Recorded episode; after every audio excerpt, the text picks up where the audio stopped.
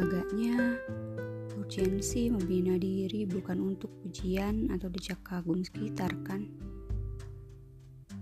Agaknya urgensi berprestasi bukan sekedar pembuktian atas perendahan dan cacian kan? Terkadang berbahaya menjadi terlalu ambisius. Sebab ketika orang lain selangkah di depan bisa jadi luka yang dalam.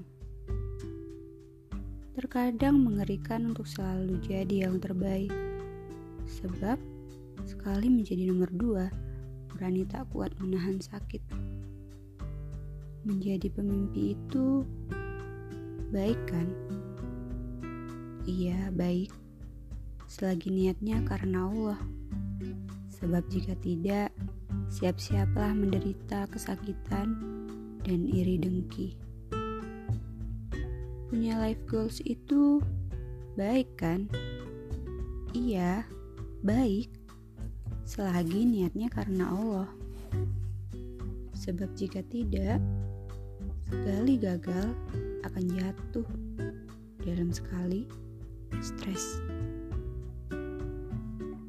Melihat orang lain sukses malah jadi sakit. Melihat orang lain gagal lalu tersenyum puas.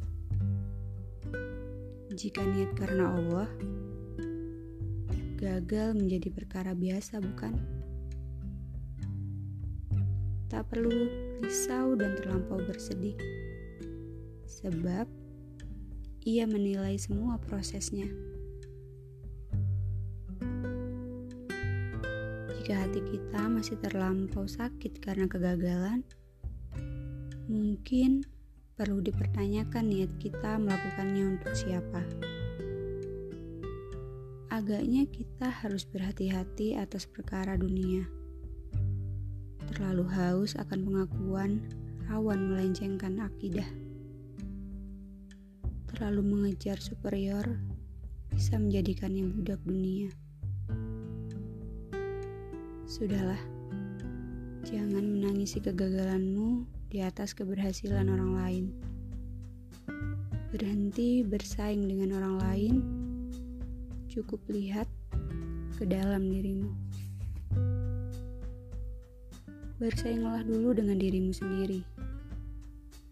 Nyatanya, menang melawan diri sendiri yang akan membawa kita ke surga, kan? Sudahlah, jangan terlalu haus akan pujian. Bukankah mana yang bernilai pahala dan berkah hanya ia semata yang tahu? Jangan terlalu ingin diakui. Bukankah sudah jelas dalam kebaikan sebaiknya disembunyikan? Ada yang bilang sembunyikan amal baikmu layaknya engkau menyimpan erat aib-aibmu. Orang yang ikhlas sejatinya tidak akan berubah perasaannya ketika dipuji, dimaki, atau dihina. Biarkan sajalah Meskipun mungkin banyak hal yang telah kita lakukan, tapi tidak memuaskan banyak orang, biarkan sajalah. Yang kita cari bukan sekedar keriduan manusia kan? Lagi pula, hanya sebatas penglihatan manusia. Lebih dari itu, ada maha yang selalu melihat. Ada maha yang paling mengetahui tak perlu jelaskan dirimu kepada siapa pun.